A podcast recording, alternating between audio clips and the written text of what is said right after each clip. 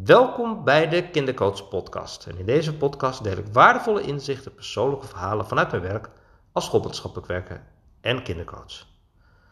En in deze podcast ga ik met jou een moeilijk onderwerp bespreken. Een onderwerp waar een taboe op zit. En dat is namelijk kindermishandeling.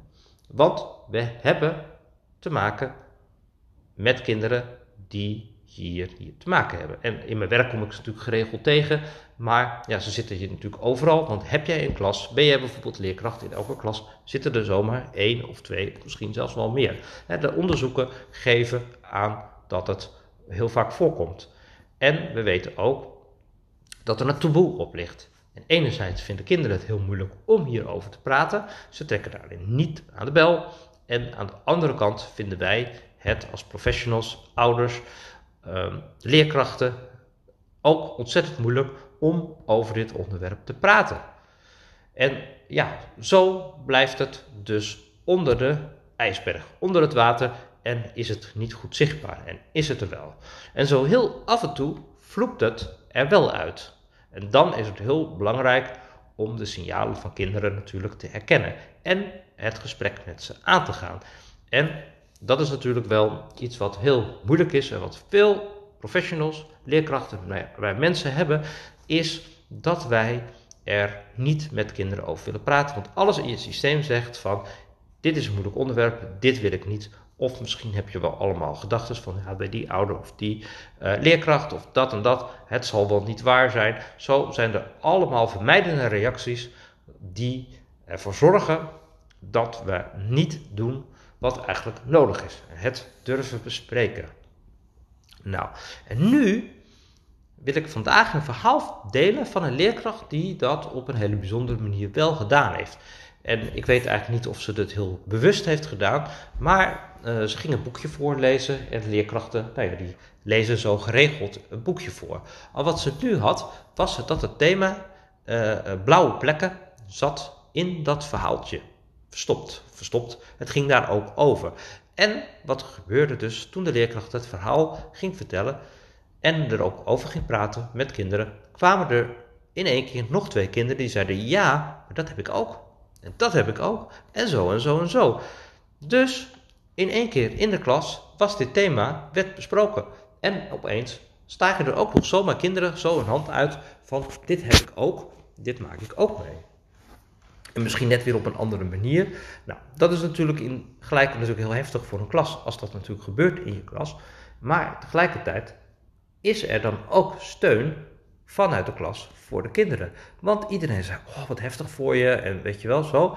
En wat er dus dan ook gebeurd is, waarbij kinderen denken dit is normaal. Nee, iedereen in de klas geeft aan, dit is helemaal niet oké en dit is helemaal niet normaal. En jij staat helemaal in je recht dat je hier nu zo over praat. In ieder geval de leerkracht ehm, die ehm, heeft dat gesprek natuurlijk met de klas gedaan. En dat vraagt natuurlijk heel veel van de leerkracht om dat in goede banen te leiden. En tegelijkertijd ehm, is het ook zaak dat er met de kinderen natuurlijk op een ander moment even rustiger gesproken werd van wat is er nou precies gebeurd en hoe steekt het nu allemaal in elkaar. En dat is natuurlijk ook gewoon verder gebeurd. En er zijn allemaal stappen, zijn er gewoon op school uh, ingezet om met het verhaal aan de slag te gaan.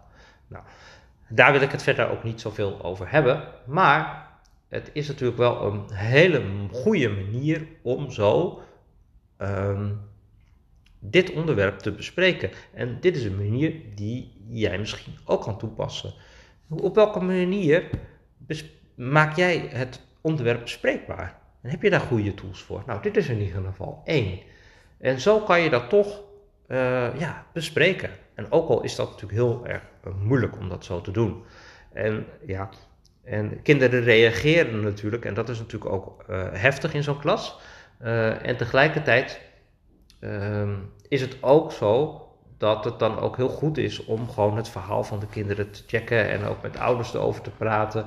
Want ik merk in mijn, in mijn werk natuurlijk ook dat kinderen soms wel eens een verhaal vertellen en dat dat uh, soms niet helemaal klopt of gedeeltelijk klopt. Of ja, ik weet dat ik bijvoorbeeld een jongetje had, die gaf ook aan dat hij bijvoorbeeld ook geslagen werd.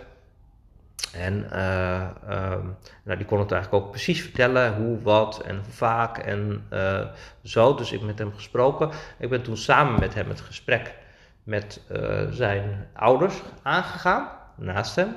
Om te kijken van nou, hoe zit dat? En vlak voor dat moment ging hij tegen mij zeggen van ja, het klopt niet helemaal. Want het verhaal klopt niet helemaal hoe ik het had gezegd. van, en wat bleek nou? Dat deze ouders, die gebruikten wel veel dreiging um, en maakten ook een slaande beweging, maar die gaven niet echt een tik. Maar voor dit jongetje was dit eigenlijk wel zo heftig um, dat het voelde alsof het wel een tik was. En nou ja, dan zie je hoe heftig zo'n situatie dan eigenlijk voor kinderen is. En ook eigenlijk niet nodig. Dus uh, toen zei ik van nou prima, we gaan gewoon wel het gesprek doen. En zo kwamen we hier over. En nou, ouders gaven ook aan dat ze dat ook deden. Nou, en nu wisten ouders ook gelijk dat hun zoon dit ook super vervelend uh, vond en eigenlijk heel naar. En eigenlijk werkte het ook gewoon niet. Nou, en vervolgens wel weer afspraken over maken, want zo'n situatie waarin dat dan voorkwam, dat was bijvoorbeeld een situatie met een uh, iPad of met een computer, met uh, Xbox. Nou, in ieder geval hebben we die situatie gewoon met elkaar besproken en hebben daar ook afspraken over gemaakt. En hebben we ook gekeken van nou, hè, als, uh, wat werkt dan wel voor jou en wat werkt dan niet. En zo hebben ouders ook eigenlijk, is een, een, zoontje was even de spiegel voor zichzelf en hebben ze ook heel veel geleerd vanuit hun eigen boze gedrag. Um, en wat eigenlijk ook niet nodig was en ook niet effectief was, terwijl ze wel grenzen moesten stellen. Dus ik wil ze weer prachtige tips geven hoe je dat dan wel weer kon. En zo zie je dat het dus door in gesprek te gaan, ga je dus gewoon helemaal uitzoeken van wat gebeurt er. En uh, ja, uh, en vaak zie je dat ouders bijvoorbeeld opvoedtips hebben die van vroeger, die ze van hun eigen ouders hebben meegekregen, zo automatisch eigenlijk weer soms blijven toepassen. Maar dat zijn tips die eigenlijk niet goed werken en die misschien voor hun ook niet goed gewerkt hebben.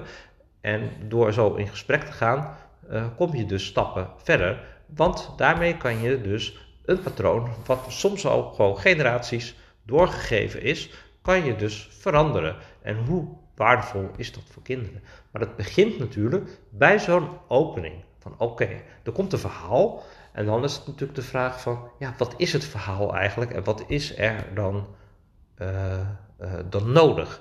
En heel vaak merk ik dat uh, ouders eigenlijk al baat hebben bij niet al te zwaar. Dus niet het helemaal gelijk in de kindermishandeling hoek gooien. Maar vaak betekent het gewoon dat ouders eigenlijk zich onmachtig voelen en eigenlijk zich niet handig gedragen en daar verkeerde middelen in toepassen. En heel veel ouders zijn echt in staat om gewoon te veranderen. Dat ze denken van ja, eigenlijk, ja, vaak voel ik ouders zich ook heel naar op het moment dat ze te boos zijn geworden. En ja, is het ook hun eigen impulscontrole die ze even kwijt zijn? Of, uh, nou, in ieder geval, uh, doordat er zo'n taboe op ligt en doordat zo'n situatie te groot wordt gemaakt, ja, um, komen er dus ook gewoon dit soort vragen dus niet goed uh, terecht. En dan gaat iedereen dat wegmoffelen. Terwijl, hoe mooi is het er om gewoon te zeggen van ja, ik doe dit. En dat ouders bekennen. En dat ze zeggen van ik wil daar hulp bij. En dan kunnen we natuurlijk gewoon kijken van nou, hoe kan je dat anders doen? En er zijn gewoon hele goede manieren uh, om dat uh, op te pakken. En hoe tof is dat als je dat gewoon weet te veranderen? En dat is natuurlijk gewoon super belangrijk voor kinderen. Nou, er zijn natuurlijk ook situaties waarbij ouders dat niet goed kunnen uh, veranderen. Ja, dat is natuurlijk weer een heel ander verhaal. Maar de eerste stap is gewoon met elkaar erover in gesprek en daar goede doelen op stellen. En dan kunnen ouders daar ook in groeien. Ja. En wat natuurlijk heel mooi is in dit voorbeeld, is laten we met elkaar vooral ook dit thema bespreekbaar maken. En dit is gewoon een hele mooie manier hoe deze leerkracht dat heeft gedaan.